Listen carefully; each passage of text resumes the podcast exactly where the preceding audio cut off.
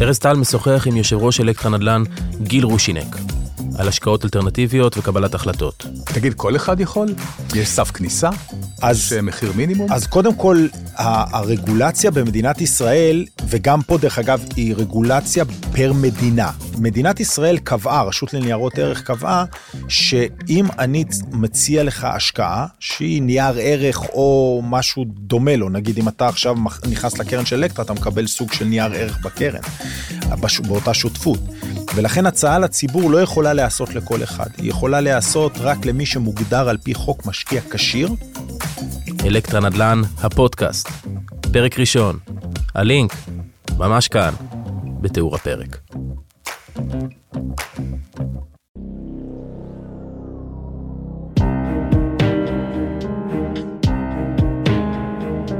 הקוגיטו, עם אברום בורג, מבית אול אין, הבית של הפודקאסטים.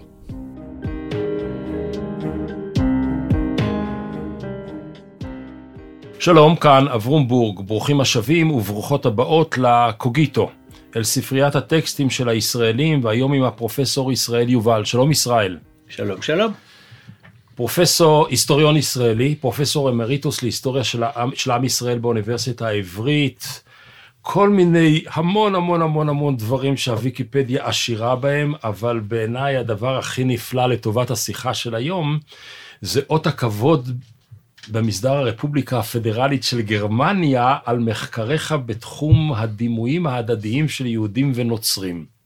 למה זה בעיניך אות הכבוד החשוב, החשוב לשיחה, ביותר? לשיחה שלנו. כן. לא, הדבר הכי חשוב זה שאתה מקיבוץ שדה אליהו. כלומר, זה דבר בעל חשיבות יקית עצומה, אבל... אה, למרות שאני אוסט-יהודה, אין לי שום שורשים יקים. זה לא, לא להיכנס לווידויים האלה ברגע לא, הזה. כשאני מדבר איתך אני חייב להתנצל. זה אני, רגשי לא, הנחיתות שלי. אז בוא רק נפתח לטובת מאזיננו. בתוך העולם היקי יש שני סוגים של יקים. יש את היקים האמיתיים ויש את היקים המזויפים שבאו ממזרח אירופה. יש לי חבר בשם רמי, רמי פינצ'ובר, אהוב ליבי, שאביו עד יומו האחרון, ו... תודה לאל, הוא האריך ימים מאוד מאוד, היה אומר לי, אתם לא יקים אמיתיים, אתם אוסט-יודן, אתם מזרחיים, כי אבא היה דור ראשון שנולד בגרמניה, אז אתה לא לבד בסירת הרגשי נחיתות, אוקיי? נחזור. אני מקבל את uh, הגדרתי כיקם מומר. יקם לשם כבוד. עסקת הרבה מאוד ב... במכלול של יחסי גומלין בין יהודים ונוצרים, יהדות ונצרות. וכשחיפשנו טקסט, שלחת אותי לתשובה מתשובותיו של הרמב"ם על שאלה מאוד מעניינת, האם מותר ללמד תורה גוי. ואומר הרמב"ם, הרמב"ם אומר שמותר ללמד תורה לנוצרים. ולמרבה הפלא, אותו רמב"ם שהיה ספוג בתרבות אה, ערבית, אוסר ללמד תורה מוסלמים.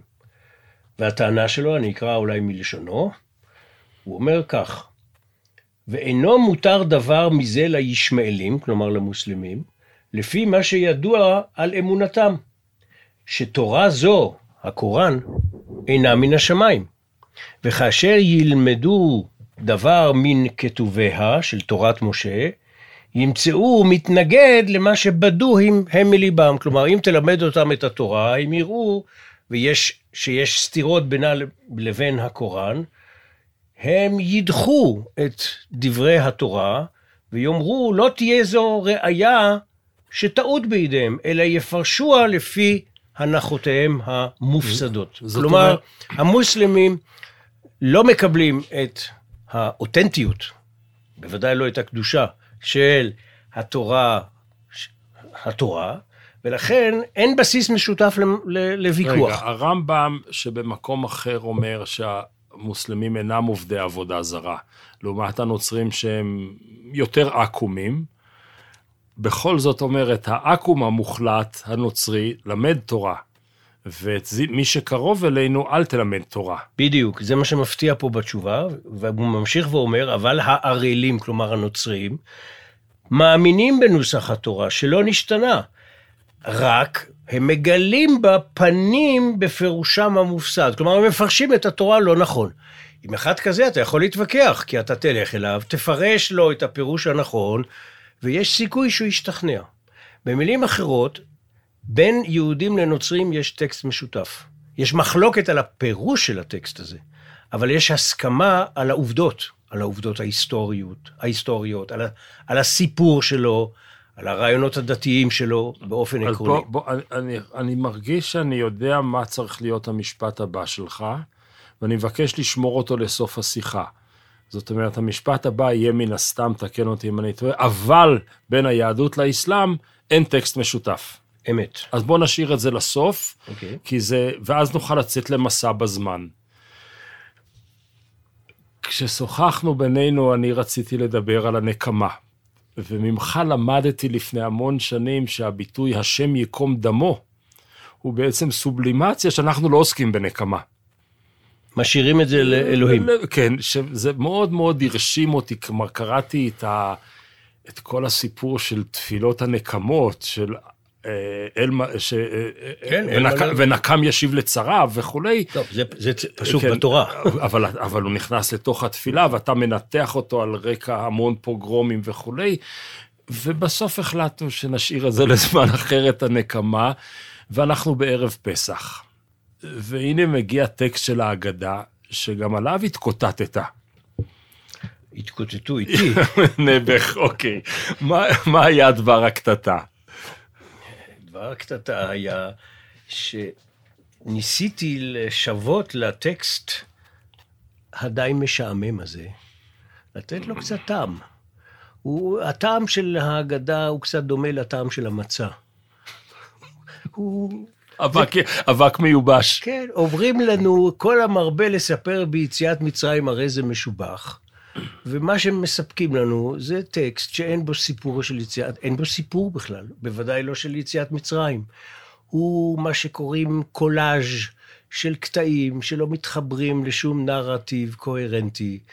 לא מספרים לנו את הסיפור של, של יציאת מצרים, ואני שנים רבות תהיתי, מה הטקסט הזה רוצה לומר? עכשיו, זה לא שיהודים לא מסוגלים ליצור טקסט נשגב ומרומם. קח את ההגדה של פסח, תשווה אותה נניח לתפילת הימים הנוראים. או למגילת אסתר כסיפור.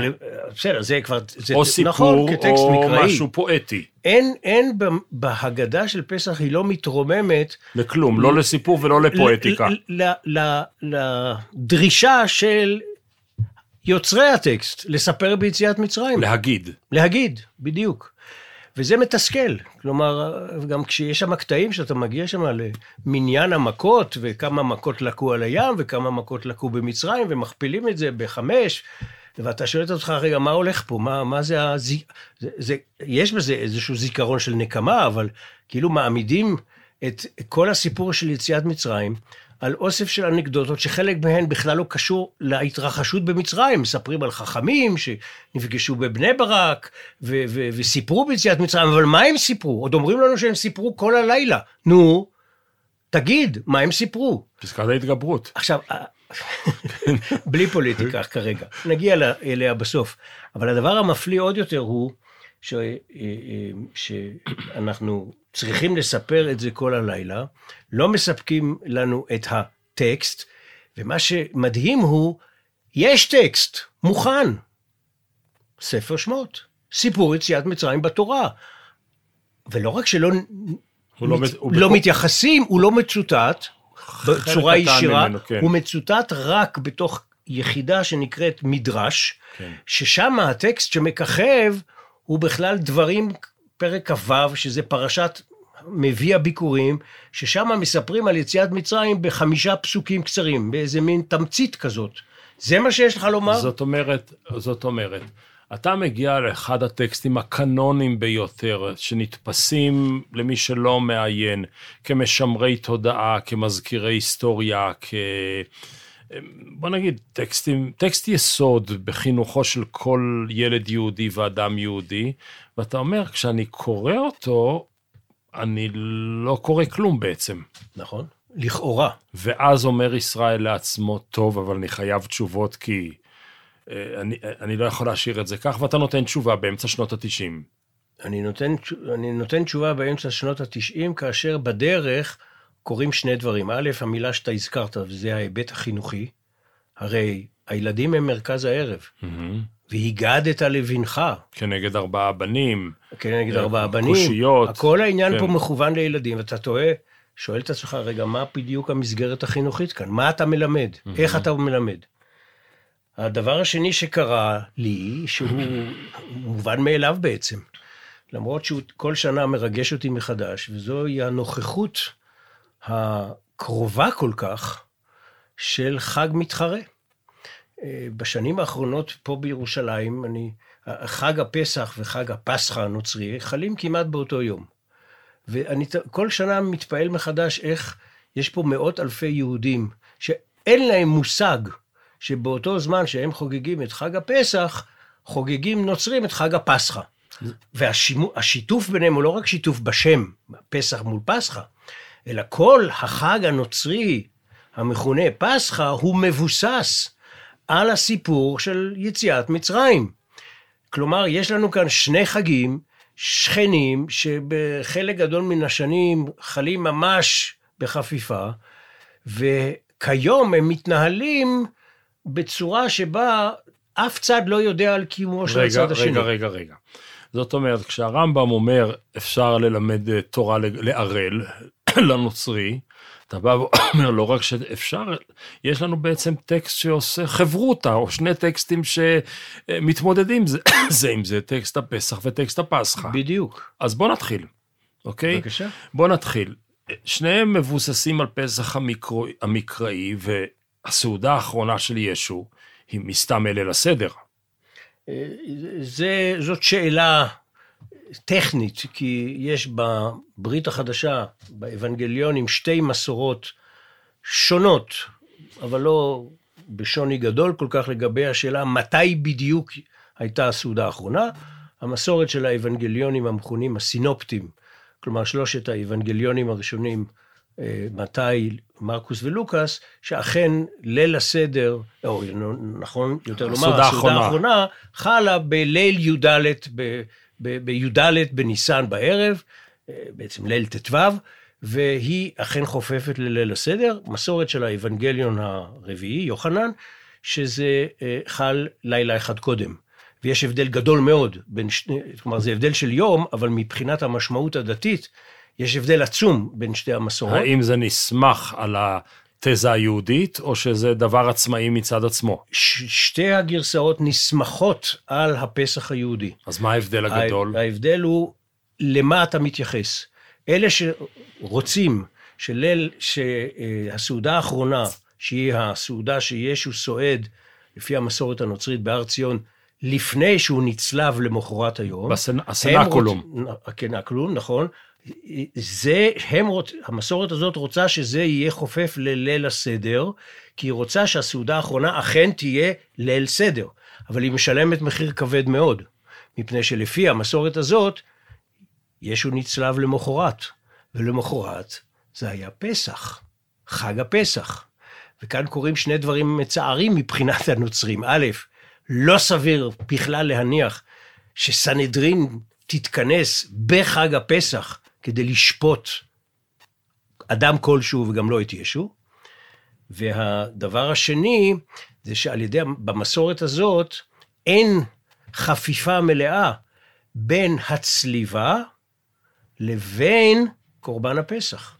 כי את קורבן הפסח הקריבו בערב פסח, בי"ד בניסן. אז תכף נגיע לקורבן, כי ישו מצויר כשה. הוא אגנוס. דיי, הוא שא כן, האלוהים, הוא כן. צריך להיות הקורבן של הפסח. המ- רגע, רגע, לא, אל תגנוב לנו את הפסח מצה ומרור שעוד נגיע אליהם. אוקיי. ו- אנחנו רק ו- מכינים, ו- ואפילו- אנחנו בהכנות כן, לסדר. בהכנות. ו- ואפילו יש, נגיד, עדה, או הייתה עדה נוצרית שלמה, קוואטרו דצימלים, נכון? שחוגגי, שקוואטרו זה 4 ודצי זה 10, כמו דצימטר, חוגגי ה-14. נכון. ש- הנוצרים במזרח עד המאה הרביעית לספירה, הקפידו לחוג את חג הפסחא שלהם בדיוק ביום, בלילה, שבו חגגו היהודים את חג הפסח, כלומר בליל י"ד, בין י"ד לט"ו בניסן. ועכשיו צא, צא ולמד, כמו שאנחנו אומרים על לבן הארמי. איך נראו איך נראה ליל הסדר בקיסריה, בטבריה, בבית שאן, במאות הראשונות לספירה.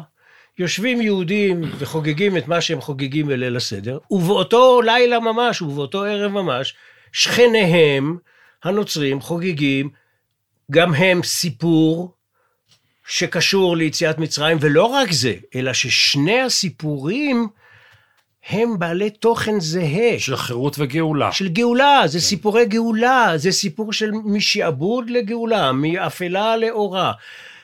כלומר, האפשרות שלא תהיה איזושהי תקשורת עוינת, מתחרה, אולי גם לא, אוהדת. לא, לא קיים דבר כזה.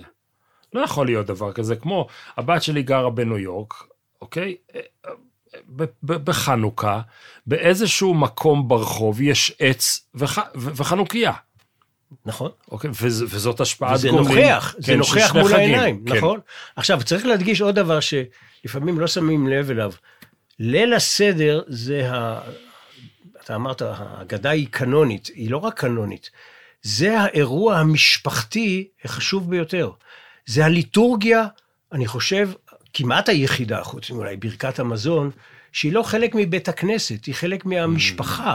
היא מתקיימת במרחב הפרטי. חוץ מהשמחות הפרטיות, אבל זאת שמחה אבל- קולקטיבית לא. שקורית במרחב הפרטי. לא, לא רק שמחה, אני מדבר גם על הטקסט, על, כן, כן. הטקס, על כן. הטקסט ועל הטקס. הוא, מ- הוא, בעל משמעות עצומה מבחינה חינוכית, והמרחב שבו הוא מתקיים הוא המרחב של הבית.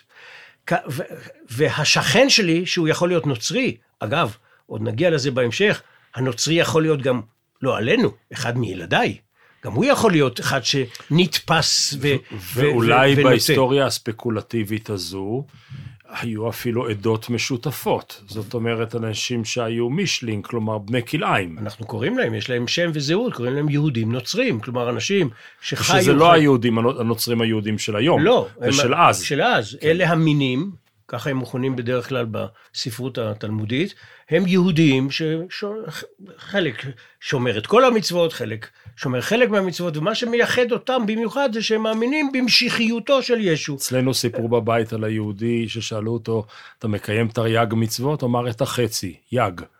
אז אוקיי, אז אתה אומר, יש דמיון עצום בין שני החגים, יש אינטראקציות ברמה הפרסונלית, הקהילתית, היישובית, ואולי אפילו התרבותית והתיאולוגית, וכתוצאה מכך, הארגומנט המרכזי שלך הוא שההגדה של פסח היא בעצם הצורך להדגיש את הייחוד היהודי של החג הזה, לעומת הפרשנות הנוצרית שלו. נכון, ופה אנחנו חוזרים לנקודה שאתה הזכרת קודם, המרכזיות של החינוך.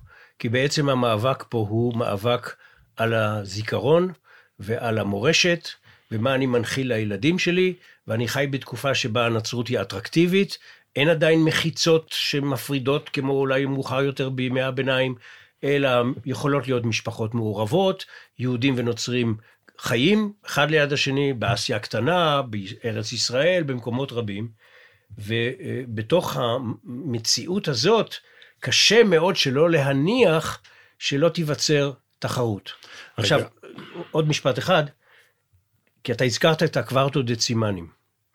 עכשיו, זאת נקודה מאוד חשובה, כי הקוורטו דצימנים חוגגים את הפסחא ביום אחד. ביום שבין י"ד לט"ו.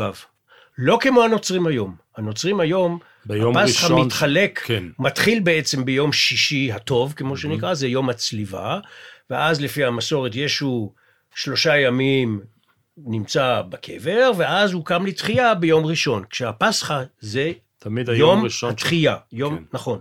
עכשיו, למה זה חשוב? כי הקוורטו דצימנים, גם הם רצו לציין גם את הצליבה וגם את התחייה.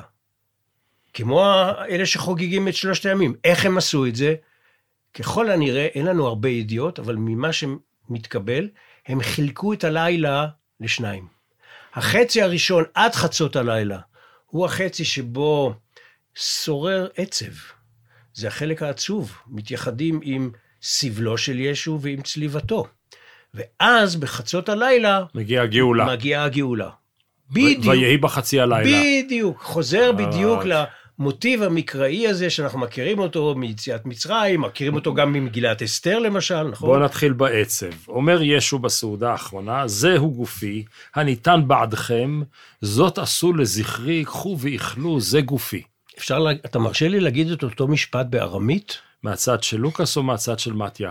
מהצד היהודי, מה. היהודי אומר? מה אומר מדברים... מה אומר היהודי? האמת היא, גם יהודים וגם ישו, כולם דיברו ארמית. ארמית, כן. אז אני אתרגם עכשיו את מה שאתה עכשיו בבקשה. אמרת בעברית צחה, אני... תרשה לי לתרגם את זה לארמית. הלחמה עניה, דיאכלו אבהתנה בארעה דמצרים, כל דכפין ייתי ויכול. זה לחם העוני, שאכלו שאכלו אבותינו. אבותינו בארץ מצרים, כל מי שרעב יבוא ויאכל. מה- המשפט הזה הוא לא זהה למשפט שלך, אני כמו כל מתרגם גם תיקנתי לך אותו קצת. כלומר, זה הלחם, כלומר, הטענה, הוא לא הלחם של... הטענה שלך היא שמצרים ועוני אבותינו זאת אליגוריה, או מטאפורה בעצם לוויכוח שמתקיים ביני לבין הנוצרי. הנוצרי אומר, גופו של ישו הוא חלק מהסקרמנט, הוא חלק מה... ישו שבבשר, האלוהים שבבשר. אז בשרי הוא, לחם, הוא הלחם הקדוש, ואני אומר, לא, לא, לא, לא, יש כאן לחם קדוש אחר. נכון. הב... ובעצם הוויכוח הוא על המצה. מה מסמל את המצה? צריך להדגיש שלפחות בטקס הקתולי, לחם הקודש הוא מצה. הוא לחם שלא נכון. החמיץ. קרקרים. קרקרים, נכון. כן. עכשיו, לכן יש חשיבות עצומה לשאלה מה מסמל את המצה. אומר היהודי הפותח את ליל הסדר, לוקח את המצה, שהיא הסמל הקדוש לסבלו של ישו, ועכשיו תראה מה הוא אומר, הלחמה ענייה. זה קצת מפתיע לקרוא למצה בתחילת ההגדה לחם עוני, כי זה אומנם לחם עוני מופיע פעם אחת בספר דברים, אבל בדרך כלל המסורת היא שהמצה מסמלת להפך, את הגאולה שלא הספיק בצקם להחמיץ. כן. פה פתאום זה הופך להיות לחם עוני, הלחם של הסבל. זה משמעות אחרת לגמרי. אה, זאת אומרת, כשהם היו במצרים היה להם לחם רגיל. וכשהם נגאלו, הם לקחו את המצה, זה בעצם לחם עשיר, כי הוא עשיר יפה. בגאולה. נכון, אז יש שתי מסורות כבר בתורה, מה, מה המשמעות של מצה במצרים? האם היא מסמלת את הסבל של אבותינו במצרים, או שהיא מסמלת את, את הגאולה לקראת, הח, הח, כן. החפוזה שהתבצעה. עורך, עורכי ההגדה לוקחים פה דווקא את המשמעות ה... של ה... אני מרשה לי, לעצמי להשתמש במילה הנוצרית של הפסיון, של הסבל, של ישו. כדי לומר שזה מה שאנחנו אוכלים. אנחנו אוכלים גם כן לחם שהוא סבל, שמסמל סבל, אבל הסבל הוא לא של אותו האיש, כמו שיהודים פעם נהגו לכנות את ישו, אלא הוא הלך- הסבל של אבותינו במצרים. ואם תרשה לי, אם הטקסט עוד לפניך, תשים לב שבמשפט הזה שציטטת ממתי, נכון? אה, קחו ואכלו זה גופי זה מתי, כן. קחו ואכלו, כלומר יש כן. פה שתי אמירות. כן. א', ישו מסביר מה טיבו של, מה ה-DNA של הלחם, הלחם זה גופי, כן, נכון? כן. ואחר כך הוא גם יוצר סוג של הזמנה, קחו ואכלו. כן. בדיוק אותו מבנה כמו פה. לפעולה, כן. הלחמה ענייה, כלומר קודם אני מפרש מה הלחם מסמל, אצלנו הוא מסמל את הסבל של מצרים, ואחר כך ההזמנה, כל דכפין יתה ויכול. עכשיו הדמיון בין, הוא כל כך גדול, שהיו חוקרים אה, עוד בתקופת הרנסאנס, אדם בשם יעקב סקליגר, שהוא כנראה הראשון ששם לב לדמיון הזה, והוא על בסיס זה טען טענה מרחיקת לכת. שההגדה של פסח הייתה כבר קיימת ומונחת לפני ישו. וואו. ושבעצם דברי ישו זה סוג של פרפרזה על הלחמניה. זה גדול עליי, זה ספקולציה על ספקולציה, תשאיר אותו רגע, לשנה הבאה. רגע, רגע. אבל היא הורסת לי את כל התזה, לא כי יהיה- אם הוא צודק, אז נכון. כל הדמיון שאני מוצא הוא הפוך. אז בוא נודיע שהוא טועה. בוא נמשיך רגע הלאה. אנחנו עוברים כנגד ארבעה בנים דיברה תורה, אוקיי? חכם, בסדר. דה דה דה דה, והרשע, מי הוא הרשע? למה אתה רוצה לדעת מי הרשע? כי קראתי, כי? לא, כי קראתי, א', כן, או אחרים מזהים אותי איתו, כי קראתי אצלך שיש לך מה לטעון לגביו.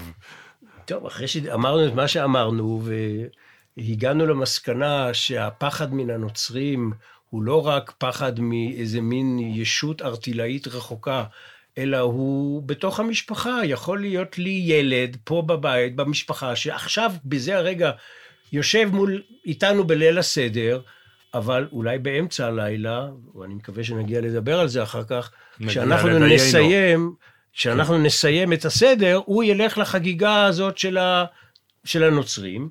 אה, ואני רוצה לחנך אותו, ללמד אותו שיציאת מצרים זה לא סיפור גאולה שהוא רמז או מבשר את סיפור הגאולה של ישו, אלא הוא סיפור הגאולה שלנו, הסיפור של מצרים.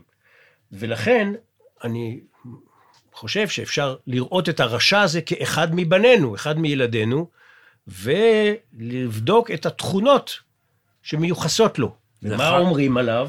מה אומר הרשע? הרשע שואל, מה העבודה הזאת לכם? כלומר, הוא מין פאולוס כזה, שלא מקבל את העבודה, הוא לא מקבל את ההלכה. בניגוד לישו שאמר, אינני בא לשנות דבר מן התורה, פאולוס אמר, אני בא לשנות לגמרי, אני מקים את הכנסייה החדשה בעצם. נכון, ואני... והוא הרשע כאן. והוא הערלי, הוא יכול להיות הרשע. בן כלומר, דמות. אני מייצר פה בן דמותו של פאולוס, שלא מקבל את המצוות, שדוחה את המצוות, אבל תראה גם את ההמשך. לכם, לכם לכם ולא לא. ולא לא. כלומר, הוא, הוא כן ב- בתוך הסיפור, אבל הוא לא. אנחנו מנסים להוציא אותו מן הסיפור. והנה ההמשך, ולפי שהוציא את עצמו מן הכלל, אמירה שהיא כל כך חזקה כשאתה מדבר על נוצרים שהוציאו את עצמם מן הכלל. הם פרשו בתפיסה היהודית כמובן, כפר בעיקר, אף אתה הכה את שיניו. אני בדקתי שהביטוי להכות שיניים מופיע בספרות התלמודית הרבה פעמים בהקשר של מינים, של נוצרים. כלומר, תתווכח איתו בעצם, תסתום לו את הפה. נכון, אבל, אבל, אבל הוויכוח הוא בעצם גם כלפי חוץ, אבל הוא גם פנימי. הוא יכול להיות בתוך המשפחה, כי הוא אחד מהבנים.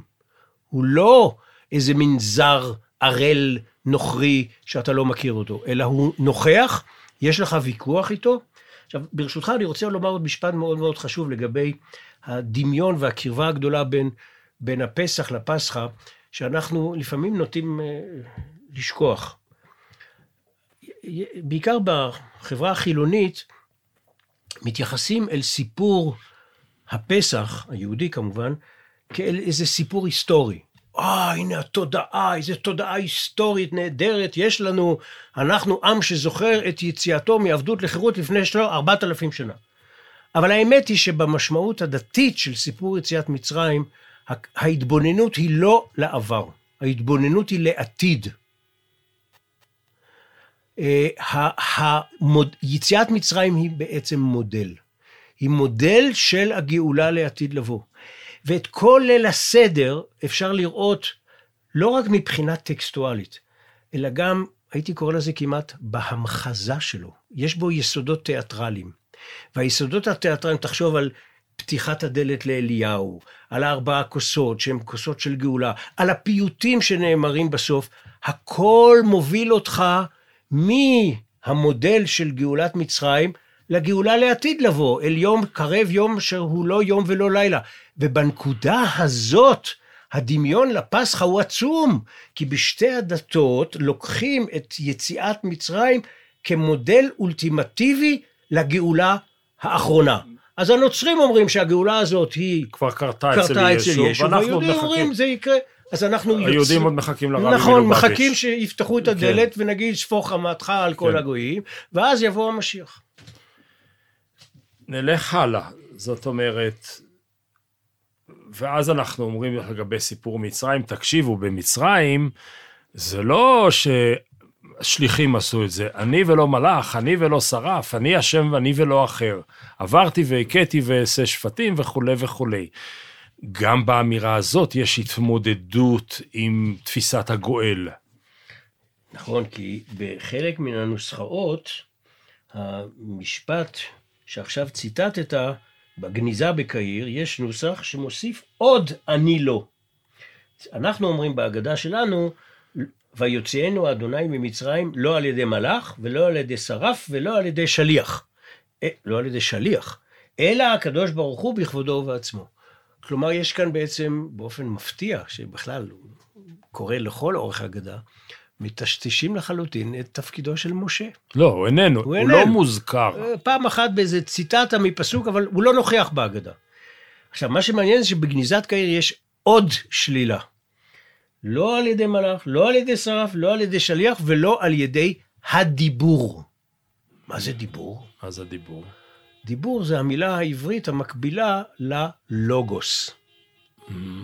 זאת החוכמה האלוהית בשפה היהודית, החוכמה בספר משלי, בשפה החז"לית זה התורה, שאלוהים הסתכל בתורה וברא את העולם, ואם אתה פותח את האבנגליון של יוחנן, שכבר נזכרנו קודם, ואתה קורא את הפסוק הראשון של יוחנן, ונאמר בו, נקרא את זה כדי שיהיה מדויק, בראשית היה הדבר, והדבר היה את האלוהים, ואלוהים היה הדבר. אם אתה קורא את זה ביוונית, במקום דבר כתוב לוגוס, והכוונה היא לישו.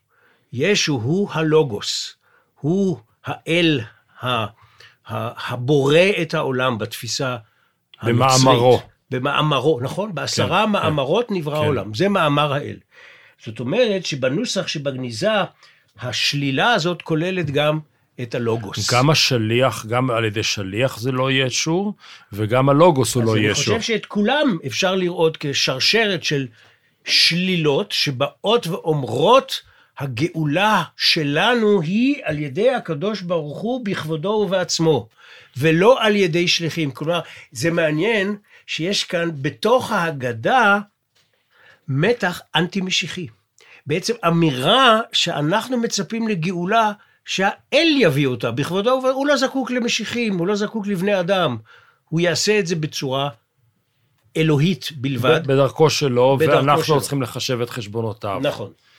תראה, אני רואה שאתה, לא, אי אפשר לראות את זה באודיו, אבל אני רואה שאתה מעיין בהגדה שחשובה לבתים מסוימים, ההגדה של דניאל גולדשמיד, שהוא גדול אולי חוקרי ההגדה, או מגדולי חוקרי ההגדה. וכאשר אתה קורא את ההגדה ליבא דה גולדשמיד, אז זה נראה שהוא חושב שהעמדה היהודית, שה, שהעמדה היהודית מאוד השפיעה על העמדה הנוצרית. אבל הוא לא לוקח בחשבון שהנוצרים השפיעו על היהודים, אתה כמעט לא רואה תנועה. כאן אנחנו מקיימים דיאלוג בין, אתה ואני מקיימים בשם פסח ופסחא דיאלוג בין שתי הישויות. אצל גולדשמיד אין נוצריות שמשפיעה על התפיסה היהודית. נכון, כי התפיסה של הדורות הקודמים היא בעצם תפיסה שהולכת לאחור ומגיעה אפילו לראשית הנצרות, שהיהדות היא דת האם, והנצרות היא דת בת, היא ולא, התפצלה. הח... ולא החיות הן. ולא אחיות. עכשיו, כמובן שזה נכון כשאתה מתבונן על המקרא, ברור שהברית הישנה מקדימה את הברית החדשה. אבל פה אנחנו נכנסים לשאלה מאוד אה, מורכבת, מה זו יהדות? האם היהדות שאנחנו מדברים עליה היום היא דת המקרא? אני חושב שהתשובה ב-90% מהמקרים לא. היא לא דת שמתעסקת בקורבנות, היא לא מרוכזת בבית מקדש. אה, הד- היהדות, אני מת, מתכוון לתופעה ההיסטורית, היא זו שנוצרה על ידי חז"ל. היהדות של התורה שבעל פה. אתה שומר שבת, אתה לא שומר את השבת של המקרא, אתה שומר את השבת של מסכת שבת, של ל"ט אבות מלאכה. ו, ולכן, אה, בתפיסה אה, שמעמידה את היהדות הרבנית, נקרא לה, לצורך העניין, מול הנצרות, אין עוד ליהודים קדימות. שתי הדתות, גם היהדות הרבנית וגם הנצרות שמתפתחת במאות הראשונות לספירה, קודם כל הן מתפתחות בערך באותו זמן, שתיהן תוצר של חורבן הבית השני והיעדר דת מקדשית, והן מתפתחות בהקבלה. עכשיו, קורה עוד דבר שאנחנו צריכים לזכור אותו. ליהדות קרה פאנצ'ר גדול מאוד בתקופה ההיא. היא הייתה דת מונותאיסטית יחידה, פתאום מופיעה דת מונותאיסטית שנייה, ולא רק זה, אלא הדת המונותאיסטית השנייה הזאת, הבת כביכול, משתלטת על העולם. רגע, רגע. אנחנו אמנם בסמטה להגדה של פסח, אבל זו סמטה רחבה. בוא נלך קצת בסמטה הזו, בסדר? אני רק רוצה לה- אה. להסביר למה דניאל גולדשמיט אוקיי. ודורו, זה לא דורו, זה כל, זאת התפיסה המסורתית, רואים את הנצרות כתוצר של היהדות. ואני מנסה לומר שזאת טעות היסטורית. ולכן, ברגע שאתה מעמיד את הנצרות ואת היהדות החז"לית זו לצד זו, הן הופכות הן להיות אחיות. הן ש- בנות גיל. שומה הן- מצויה בבן גילו. הן הן בנות אותו מחזור. רגע, רגע. כשאתה חושב את המחשבה הצודקת, מה זה אלוהים ברא את העולם, ו, ו, ו, והיה אברהם, והיה משה, והיה מצרים, אה, וישו הגיע כל כך הרבה שנים לאחר מכן. אתה בא ואומר, תשמעו, לפעמים יש רגעים שבהם יש קפיצת מדרגה תכנית ומיהדות מקדשית, זה הפך להיות ליהדות טקסטואלית, מיהדות אה, קורבנית. מבית זה- מקדש לבית כנסת. מבית- וכולי, מקורבנות לתפילות ו, ומעבודת כהנים ללימוד תורה וכל, ותלמוד תורה כנגד כולם. זה קורה באזור המאות הראשונות, שזה אלה המאות הנוצריות, ולכן התסיסה הרוחנית העצומה של המאות העצומות ההן, הולידה גם את זה וגם את זה. ועד הוועידה הנוצרית בניקאה, גם הנצרות לא מכחישה את המוצא המשותף. הנצרות מעולם לא הכחישה את המוצא המשותף. לא רק זה, זאת נקודה שליהודים קשה לתפוס. יהודים, בצדק, רואים את עצמם ממשיכי הברית הישנה. הם הממשיכים הלגיטימיים. נרצה או לא נרצה, זה בדיוק מה שהנוצרים חושבים על עצמם. הם חושבים שהם עם ישראל האמיתי. כבר פאולוס אומר על... אתם, הוא אומר ליהודים, אתם ישראל בבשר, בגוף, אנחנו באתנוס. שברוח. אנחנו שברוח. בתודעה הנוצרית, עד היום, כאשר נוצרי קורא ברית ישנה, הוא מרגיש שהוא קורא ספר שהוא שלו, לא פחות ממה שיהודים מרגישים. ליהודים קשה לקבל את זה. אני בכל השנים שהייתי מלמד באוניברסיטה, סטודנטים לא היו מסוגלים להפנים את ההזדהות. הגדולה שיש לנוצרים עם הברית הישנה, והם רואים את עצמם כממשיכים, ולכן בנקודה שבה מתפלגות הדרכים שהן אה, נחלקות, בעצם שתי הדתות החדשות האלה של המאות הראשונות לספירה, שתיהן רואות את מה שקדם להם, כלומר, יהדות המקרא, העולם המקראי, כמורשת משותפת של שתיהן. ולכן הראייה היהודית המאוד אה, סובייקטיבית, אני מבין אותה, אבל יש סובייקט אחר, וזאת הראייה הנוצרית, שגם היא רואה את עצמה כהמשך. והוויכוח החוצה שמתקיים דרך ההגדה ודרך כל כך הרבה טקסטים תלמודיים אה, אה, של תורה שבעל פה, הוויכוח החוצה כנגד היהודים החדשים, שהם הנוצרים החדשים, הוא מין ויכוח סארטרי כזה שאני, האנטישמי יגדיר מיהו יהודי, כלומר אני מתווכח עם הנוצרי וכתוצאה מכך מתגבשת הזהות הפנימית שלי? עמדת על נקודה מכרעת, אני חושב. אין שום ספק בעיניי שכל התהליך של ההגדרה העצמית היהודית וגם הנוצרית, כיוון שהן דתות אחיות, וכיוון שהן מתפתחות ביחד, וכיוון שיש להן אותם כתבי קודש שבהם פתחנו את דברנו, כל התהליך של ההגדרה העצמית כל הזמן מתנהל על ידי שלילה. שלילה של האלטרנטיבה, שלילה של האופציה המתחרה. עכשיו, מה שנפלא בזה, וזה מקשה עליי כחוקר להוכיח את דבריי, זה שהתהליך הזה מתנהל בצורה סמויה. אתה לא הולך לבית כנסת ומתחיל להתווכח עם נוצרים, אבל אתה אומר תפילות. למלשינים, אל תהייתי כבר, זה כל נכון, המינים כרגע זה, יאבדו. אתה צודק, זה קטע אחד יחיד, אבל הטענה שלי היא שבתוך מרכיבים רחבים מאוד בתפילה היהודית יש התמודדות סמויה עם רעיונות נוצריים. וזה נעשה לא על ידי פולמוס חיצוני, אלא בתוך תהליך פנימי של הגדרה עצמית, כמו שעכשיו ראינו כמה דוגמאות בהגדה, כאשר אתה בא ומנסח לעצמך את היקר וחשוב והמבדיל אותך ממה שמאיים עליך. במידה מסוימת, כמו שכל חברות מיעוט עושות כשהן נמצאות בתוך חברת רוב. אבל הדינמיקה המופלאה הזו היא לא רק מול הנוצרים, יש לנו את זה גם שיחה כזאת עם הזרטוסטרים. זאת אומרת, יוצר אור ובורא חושך, עושה שלום ובורא את הכל. זה התכתבות עם טקסטים, טקסטים של אור וחושך ז- זרטוסטרים.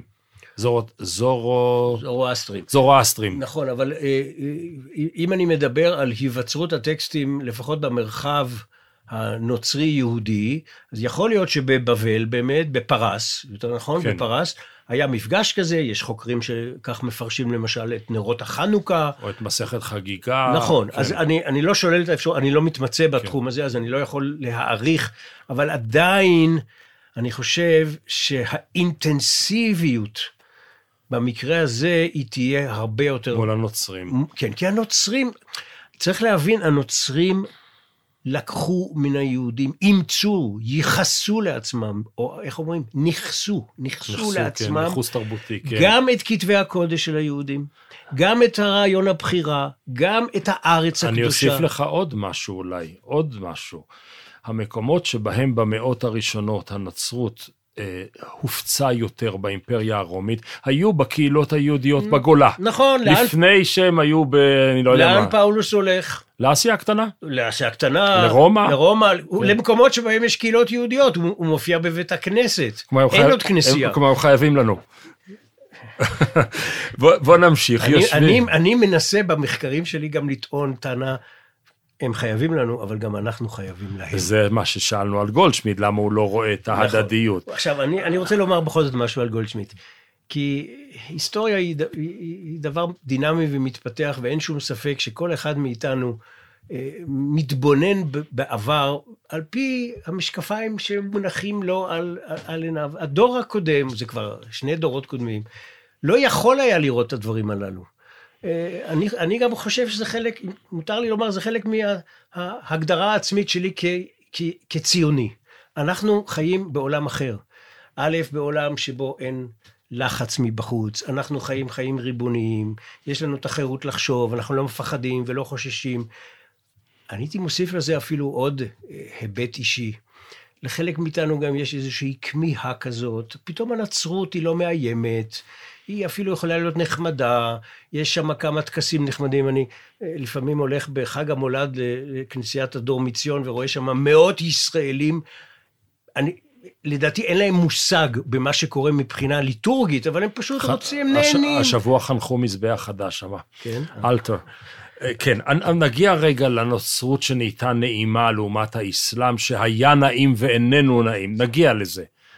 מבטיחך נאמנה, אבל אני עוד רוצה קצת אגדה, שהרי כל המרבה במשהו, הרי זה משובח. תיזהר, עוד מעט יבואו התלמידים שלנו ויגידו לנו, הגיע זמן. קריאת שמע של שחרית. הם יושבים בבני ברק השליחים, אה, סליחה, התלמידי חכמים, וזה די דומה לחבריו של ישו בסעודה האחרונה, והם מייצרים טקסט שהטקסט הוא מאוד מאוד מאוד אה, אנטי-נוצרי. כלומר, הם אומרים כל ימי חיי, הם, דורשים שמה את כל סוגיית הגאולה. כל ימי חייך, חוב- ל- להביא לימות המשיח, והם בעצם אומרים שהחובה לנצח לספר את סיפור יציאת מצרים, שהוא דומה מאוד לנצחיות של המצוות שניתנו בסיני. יש דברים שאי אפשר לבטל אותם מעיקרם, לעומת ישו, שגם מבטל את, ה... גם מבטל את נצחיות פסח, כי הוא הרי הביא את הגאולה, וגם את נצחיות המצוות, אפרופו פאולוס. זה מה שהם עושים בבני ברק. כן, רק תרשה לי תיקון קטן, כי אתה- לקחת שני קטעים סמוכים זה לזה כן. בהגדה וצירפת אותם. נכון. הסיפור על בני ברק זה סיפור אחד, אולי אם יהיה לנו זמן כן לחזור אליו. כן... ואחר כך בא רבי אלעזר בן עזריה כן. ואומר את המשפט הזה, שזה ציטטה מהמשנה, ואני מסכים איתך שהסיומת שם, כשחכמים אומרים, כל ימי חייך להביא לימות המשיח, המשיח, כלומר כן. הטענה היא שסיפור יציאת מצרים לא ינוס ליחו גם כאשר יבוא המשיח, היא בהחלט נשמעת, מתמודדת, מתפלמסת עם הטענה האלטרנטיבית הנוצרית, שלא צריך יותר את מצרים ההיסטורית, כי יש לנו סיפור גאולה חדש. חג הפסחא הוא סיפור גאולה חדש, שנסמך על סיפור מצרים, גאולת מצרים, אבל גם בא במקומו. ופה חכמים בא- באים ואומרים, לא, אנחנו, אגב, בניגוד לפסוק מפורש בספר ירמיהו, כן, שלימים לא יאמר עוד שהשם המוציא אותם מארץ מצרים. כלומר, ירמיהו... המוציאה מארץ מצרים, כן. כן. הוא, הוא אומר, נכון. אז, אז כאן יש אמירה של, לא, אנחנו נזכור את יציאת מצרים. בכל דור חייו. נכון, אז אפשר בהחלט, אני מסכים איתך לפרש את ה- הדברים הללו כאיזה מין אה, הקנטה. ושוב, בצורה מרומזת, הרי כל המהלך שלי, אה, זה התעלמות, אבל הוא התמודדות. מתעלם, הוא, כן. הטקסט מתעלם, הוא לא, הוא לא מזכיר נצרות, וזה מה שאומרים לי גם זה כמו- חברים שלי, אתה ממציא זה פה... כמו אצל אימא שלי, שאתה אומרת, אצלנו בבית אפשר לדבר על הכל, על זה לא מדברים. על זה לא מדברים. אני חושב שזו אמירה נהדרת, כי זה כן. בדיוק מה שיהודים מרגישים. על נוצרים לא מדברים, גם לא מזכירים את השם, לא אומרים ישו, אומרים אותו האיש, ובטקסטים זה- אבל אשכנזיים... זה בגלל האקה הומו, זה לא בגלל שהם... כן, אבל אה, לא, אבל יש, כן. יש רתיעה בטקסטים אשכנזיים, במקום להגיד... אה, אותו אה, האיש, כן. אה, נניח יש מקום בגרמניה שנקרא נויה קירשן. כן, הכנסייה החדשה. אז איך קוראים לו בימי הביניים?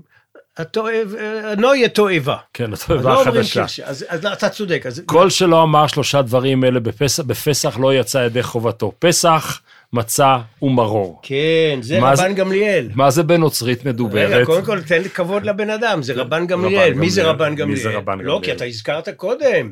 מייחסים לו את ברכת המינים. יש לו עסק עם נוצרים, נכון? כן, הוא הוא פולמוסן איתם גדול. יפה, ויש הוא עליו- בחזית. ויש לו גם, יש עליו גם סיפור מדהים, אין לנו זמן לדבר עליו. סיפור במסכת שבת, איך שהוא ואחותו ניסו להפיל בפח איזה כן. פילוסוף שהוא כן, בעצם כן. מתברר, מתברר כנוצרי. אז, אז הרבן גמליאל הזה אומר את מה שאתה אומר, ומאוד מפתה אה, לפרש את דבריו כסוג של, אה, באמת של פולמוס. עכשיו, כש, כשאני, זה כבר, אני זוכר שהייתי קורא את דבריו, לפעמים יש טקסטים שמרגיזים אותי. מה, מה, רק לפעמים, אצלי רובם. לא, אני לפעמים, יש גם אוקיי. טקסטים שאני אוהב, נהנה מהם. הוא פה אומר דבר שעומד בסתירה לכל החוויה של אנשים שמתכוננים לפסח, שעובדים, שמחפשים שם חמץ ו- ומנקים את הבית. והבן אדם הזה, ל- ל- לאנשים שטרחו, אני לא יודע, חודש, שבוע, פתאום מה הוא אומר להם? אם לא אמרת שלושה דברים בפסח, לא יצאת ידי חובה. סליחה, מה, מה זה החוצפה הזאת? מה עם הניקיונות? מה, מה, אתה תחליט שלא קיימתי את מצוות הפסח כי לא אמרתי? זה הרי אמירה נועזת, זאת אמירה שמעמידה את שלושת הדברים הללו במרכז, הייתי קורא לזה כמעט להשתמש במילה הנוצרית, זה מין קרדו כזה, זה מין... ה- בליבה. ה- ה- כן, הליבה, הליבה, בדיוק, זה הליבה. ואז מפתה מאוד לבוא ולומר, שוב, בהתאם למהלך כולו, ששלושת הסמלים הללו, פסח, מצה ומרור, הם באמת כל כך חשובים בעיני הלוחם נגד הנצרות, רבן גמליאל, מפני שהם משמשים סמלים בפסחא, בסיפור הנוצרי. פסח, זה כבר הזכרנו, זה... אגנוס דיי. אגנוס דיי, זה הקורבן, זה הגוף- ישו כגרסי ישו כשא אלוהים. נכון? הגוף שלי הוא נכון. בעצם עשה לקורבן, יפה, והמצה. והמצה, זה גם הזכרת, כשזה הקורפוס קריסטי, זה אני לוקח את הלחם, ואני אוכל אותו, ואני אומר, זהו גופי, כן? והמרור, זה גם הזכרנו, זה הפסיון, זה הסבל. הסבל של המושיע. הסבל, זה הלחמניה. אומר רבן גמליאל, זה שאתה משתמש בסמלים הללו, זה לא מנחם אותי. אני דואג. כי השאלה היא מה המשמעות של הסמלים הללו. ולכן הוא אומר, כל שלא אמר את שלושת הדברים שאני אומר, פסח, שהיו אבותינו אוכלים בזמן על שומה, על שום שפסח הקדוש ברוך הוא, כלומר זה לא הסיפור הנוצרי, אלא זה הפסח של מצרים. ומצה זו שאנו אוכלים, על שום שלא הספיק בצקם של אבותינו. כאן מופיע המצה במשמעות הגאולית. המצרית. כן, כן, נכון. אה, כן. והמרור, על שום שמררו המצרים את חיי אבותינו, ולא את חיי ישו. ולכן אומר רבן גמליאל, ומי שלא אמר את זה, אז הוא בעצם פרשן נוצרי הוא- ולא פרשן... הוא, יכול, הוא חשוד, כן. הוא לא יצא ידי חובה. וזה מזכיר שוב את הדברים שאומרים ל, לרשע, כן? שהוציא את עצמו מן הכלל. במאה העשירית, היינו במאות הראשונות, במאה העשירית מופיע עמוד התווך של, של היהדות המודרנית, רב סעדיה גאון. כלומר, אי אפשר כמעט להבין דבר ממה שקורה לנו היום בלי רב סעדיה, נכון? ככה טוען ידידנו המשותף, אה, בן משפחתך, מנחם בן גיסי אהובי מנחם. כן, וגם אבל- חוקרים כן, אחרים, כבר אלף רינה דברים. ש- דרורי כן. ועוד חוקרים רבים שרואים את סעדיה גאון כ... ואצלו בפעם הראשונה אצל הרב סעדיה אנחנו מוצאים את די דיינו, די דיינו, נכון? אנחנו מוצאים את זה בפעם הראשונה אצלו באופן ממוסד. כן. ואתה בא ואומר, היי, היו לפניו. כן, קודם כל זה לא אני אומר את זה, כבר אמר את זה, אמרו את זה חוקרים לפניי, אה, וזה, הם התבססו על אולי טקסט שחשוב היה לדבר עליו יותר, אולי עוד נספיק. יש לנו הגדה נוצרית. ידעת? למען האמת, לדעתי, יש לנו שתי אגדות נוצריות, ושתיהן קודמות לאגדה היהודית. האגדה הראשונה, ככה אני חושב, זה האבנגליון. כן, עצמו. כן, כן. הוא סיפור שמספר את תולדות ישו, ואני יכול לדמיין לעצמי שבחג הפסחא פשוט... הם קראו קראו את זה, ואנחנו נכון. קראנו את זה. כן. אבל יש עוד טקסט שנקרא פרי פסחא, דרשה לחג הפסחא, שהתחברה על ידי התנא, תרשה לי לקרוא לו כך, תנא, כי הוא חי במאה השנייה לספירה. פרי פסחא זה על הפסחא. כן, אודות הפסחא, על כן. אודות הפסחא. כן. ואותו תנא, אני קורא לו, כי הוא חי במאה השנייה לספירה, היה ב, כמובן לא תנא, אלא בישוף נוצרי, קוראים לו מליטון, מן העיר סרדיס, והוא כתב אה, טקסט ארוך מאוד, יחסית, הרבה יותר ארוך מהאגדה של פסח, שבו הוא מסביר את המשמעויות הסימבוליות של הסמלים של חג הפסחא.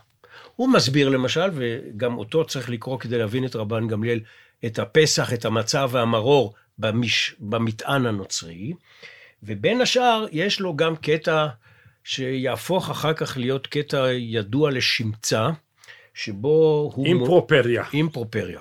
הוא ייכנס לליטורגיה הנוצרית של יום השישי, הוא נמצא אצלו בפעם הראשונה, והקטע הזה... על ישראל כפויה טובה. נכון. על כפיות הטובה אז של מה עם כתוב ישראל. שם? תקריא. ושם כתוב, אין לי את זה כרגע... בכמה. הארכת את עשר המכות? אה, לפניך בכמה. הארכת את עמוד הלילה וענן היום, ואת מעבר ים סוף? בכמה הארכת את מתת המן מן השמיים, את אספקת המים מן הסלע, את מתן תורה בחורב, את רשתך את הארץ? יפה. אז ההקבלות הוא לדיינו אומר להם, שקופות. אתם מתלוננים, אתם קוטרים, אתם כפויי טובה. בניגוד לנו בדיוק, כמובן, אסירי טובה. הטובה. יש טקסט נוסף ששם מופיעה המילה un- ungrateful, ungratefulness. אתם, אוקיי. למה אתם כפויי טובה? כי מי זה שהוציא אותם ממצרים, בראייה הנוצרית, וקרע להם את הים, והביא אותם במדבר, ונתן להם את המן, מי זה? ישו. כי ישו אצל הנוצרים הוא אל, הוא האל המנהיג. ואתם, מה אתם עשיתם לו? אתם צלבתם אותו. זה- כלומר- זה- זה ישו האל ולא ישו הבן. נכון. אפרופו הבן- השילוש. לא, לא, הבן הוא אל, הבן הוא בן האלוהים. זה, יהודים מתקשים להבין את זה, אבל... בטריניטי. נכון. בשילוש נכון. הקדוש. כן. ישו הוא, הוא, הוא עשה אינקרנציה, הוא הגשים את עצמו לאדם, אבל ישו הוא, הייתי קורא לזה בשפה היהודית האל המתגלה. הלוגוס, כמו שדיברנו, כן, כמו, כן. כמו שהתורה בוראת את העולם, אלוהים לא בורא את העולם, אלא אלוהים מביט בתורה, הוא בורא את העולם. המקבילה זה החוכמה האלוהית, ישו זה החוכמה אז האלוהית. כנגד ה- אז- האמירה ההיא, אנחנו אסירי תודה, זה דיינו, וזה דיינו, וזה דיינו. זאת... אבל זה יותר מזה, כי צריך לחשוב גם על הפוליטיקה. הקטע של מליטון, אנחנו לא יודעים בדיוק מה היה האימפקט שלו בחיים, אבל בערך מן המאה השביעית לספירה, הנוסחה הזאת, שמאשימה את היהודים, קודם כל בצליבת ישו, אבל גם בצליבת ישו, על רקע זה שהוא זה שבעצם אתם הורגים את האל המיטיב עמכם, היא תיכנס לתפילה של יום השישי הטוב, שזה יום הצליבה, ולא במקרה, כי זה היום שבו הנוצרים מציינים את הצליבה. והתפילה הזאת מעוררת, טינה זו מילה עדינה, מעוררת, היא אחד מן ה... אה, הייתי אומר, המנועים שמניעים אה, אה, עוינות קשה ביותר ליהודים. גם אחרי, גם אחרי הנוסטרה אטטה של 65. כן, זה ושם- מעניין שאתה שואל את זה. אני גם חשבתי הרבה שנים בטעות שהנוסטרה אטטה ביטלה את התפילה הזאת, היא לא ביטלה אותה.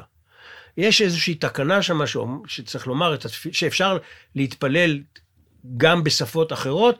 יש ארצות שבהן ביטלו את האימפרופריה, בגרמניה למשל, נדמה לי ברוב ארצות אירופה, אבל אני פשוט, פעם הלכתי ל, ל, בחג הפסחא להשתתף בתפילה דווקא בארצות הברית, בנוסח קתולי, ואני שומע אותם פתאום אומרים את האימפרופריה. אבל אם נחזור בכל אופן לדיינו, אני חושב שהדיינו זאת, זה אמירה פוליטית, זו אמירה שמנסה להכחיש את הטענה המרה הזאת נגד היהודים. הרי זה לא רק שהם כפויי טובה, זו טענה יותר חמורה.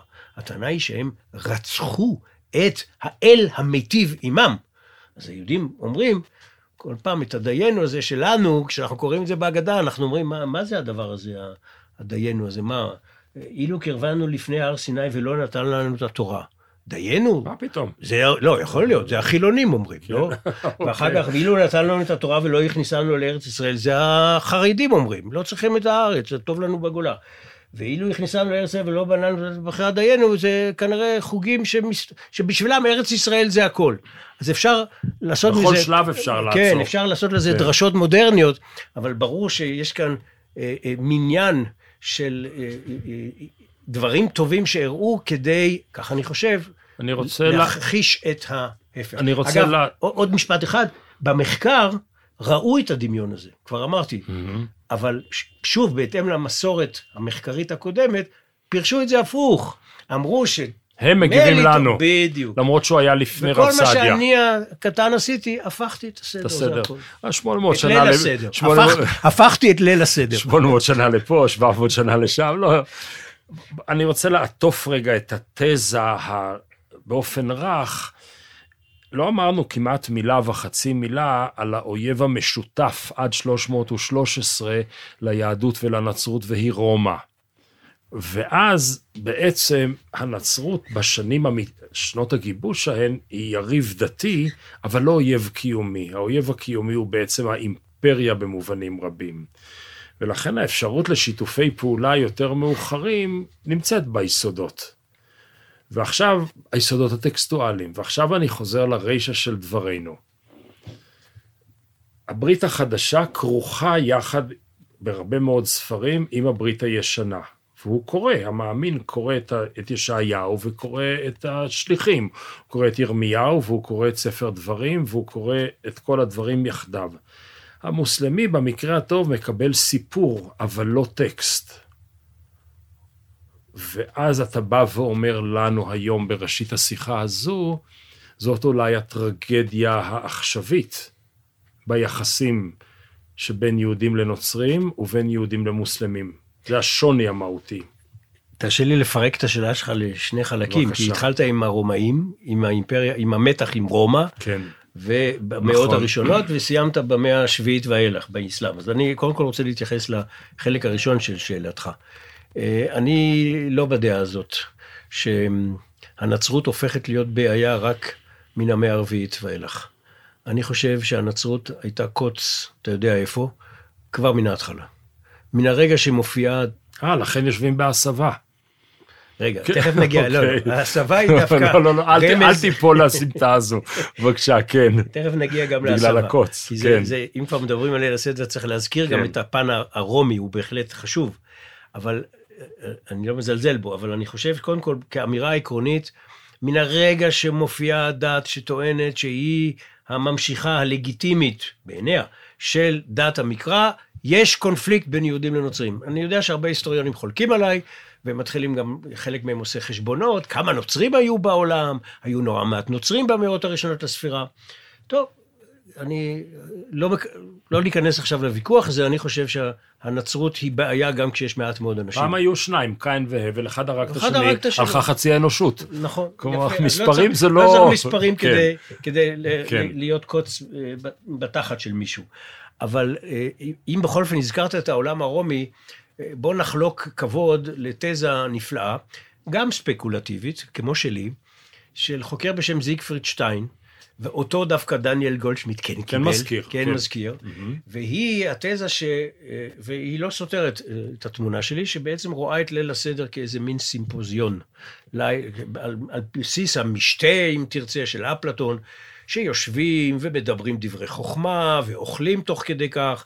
ודרך אגב, המבנה הזה אה, אה, הוא מבנה שגם מסביר את הליל הסדר, את הרעיון הזה של הסימפוזיון, שאנחנו חוגגים את חג החירות כמנהגם של בני חורין, כמו... של האדונים. האדונים, נכון, של אדוני הארץ. אז יש בוודאי גם אלמנטים אה, שמתייחסים, לא מתוך פולמוס כל כך, אלא להפך, מתוך אימוץ של הנימוס ושל התכנים, וזה מסביר גם כן דבר שאני ניסיתי להנהיג בביתי, אבל לא הצלחתי אף פעם.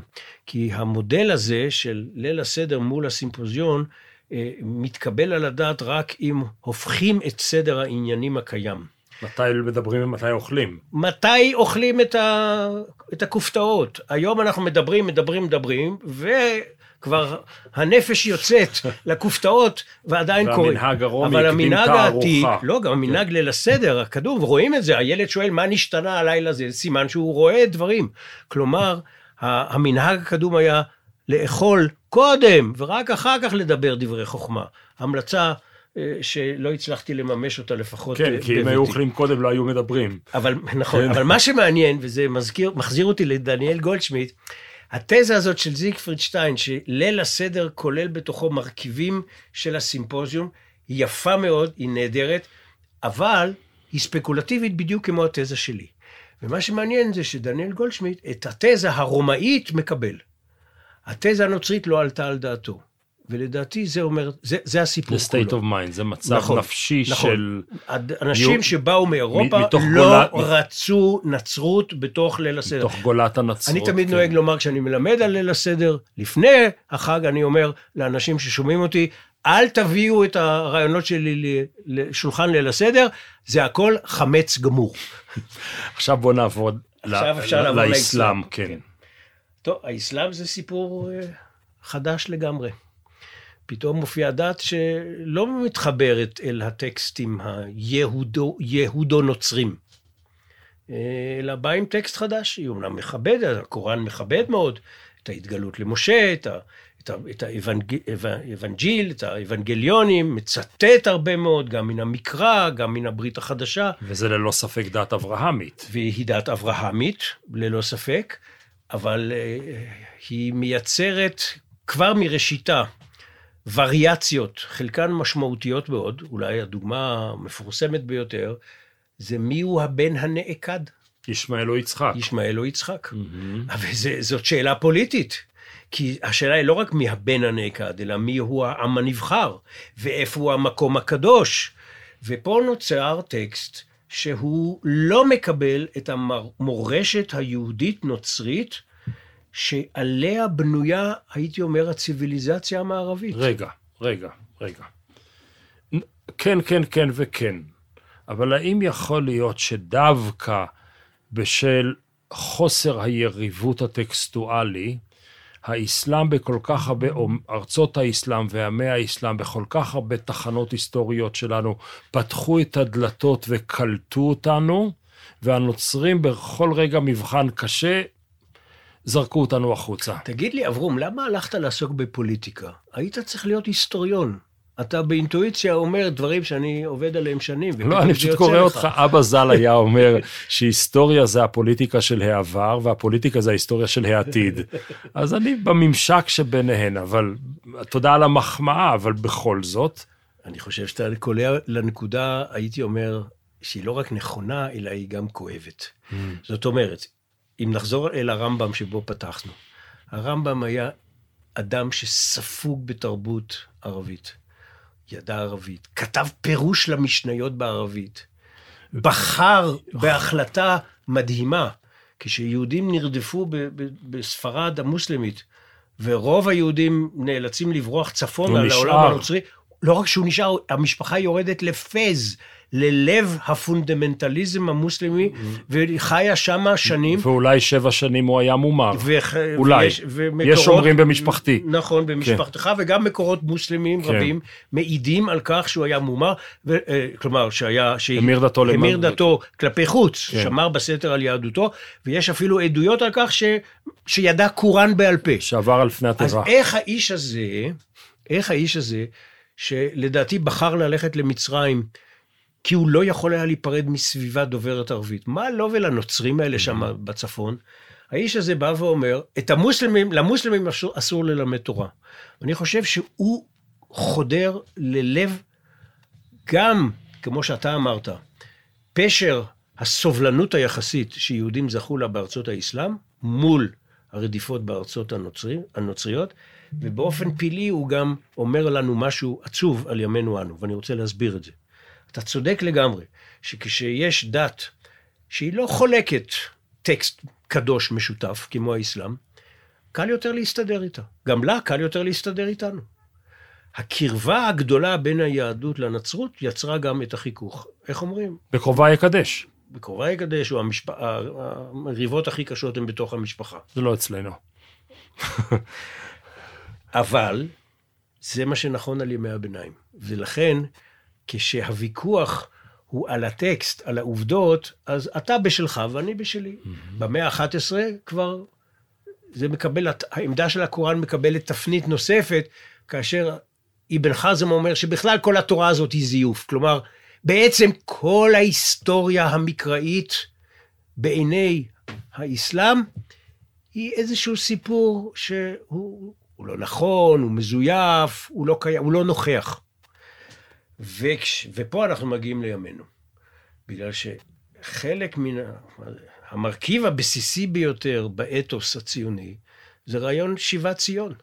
אבל כדי שתהיה שיבת ציון אתה צריך לחשוב שאתה שב אל מקום שהיית בו פעם, וזה מה שמשותף, הייתי אומר, לכל מי שקורא את התנ"ך, ליהודים ולנוצרים, אז זו, זו תפיסה שמתחילה בהצהרת בלפור.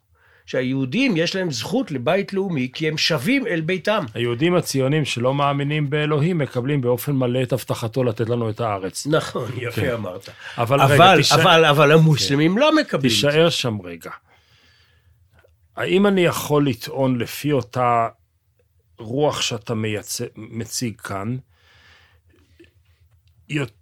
שבשנים שבהם הנצרות, שהיה לי עימות דתי עם הנצרות, זה היה עימות ראש בראש, אבל החילונות היהודית והחילונות הנוצרית יכולות לחיות יחדיו כי הן מאוד דומות, ובימים האלה הדתיות היהודית והדתיות המוסלמית לא יכולות לחיות יחד. אמ, כן, אני מסכים לזה. הייתי מוסיף אבל שגם הדתיות היהודית והדתיות הנוצרית יכולות לחיות יפה מאוד אחת ליד השנייה.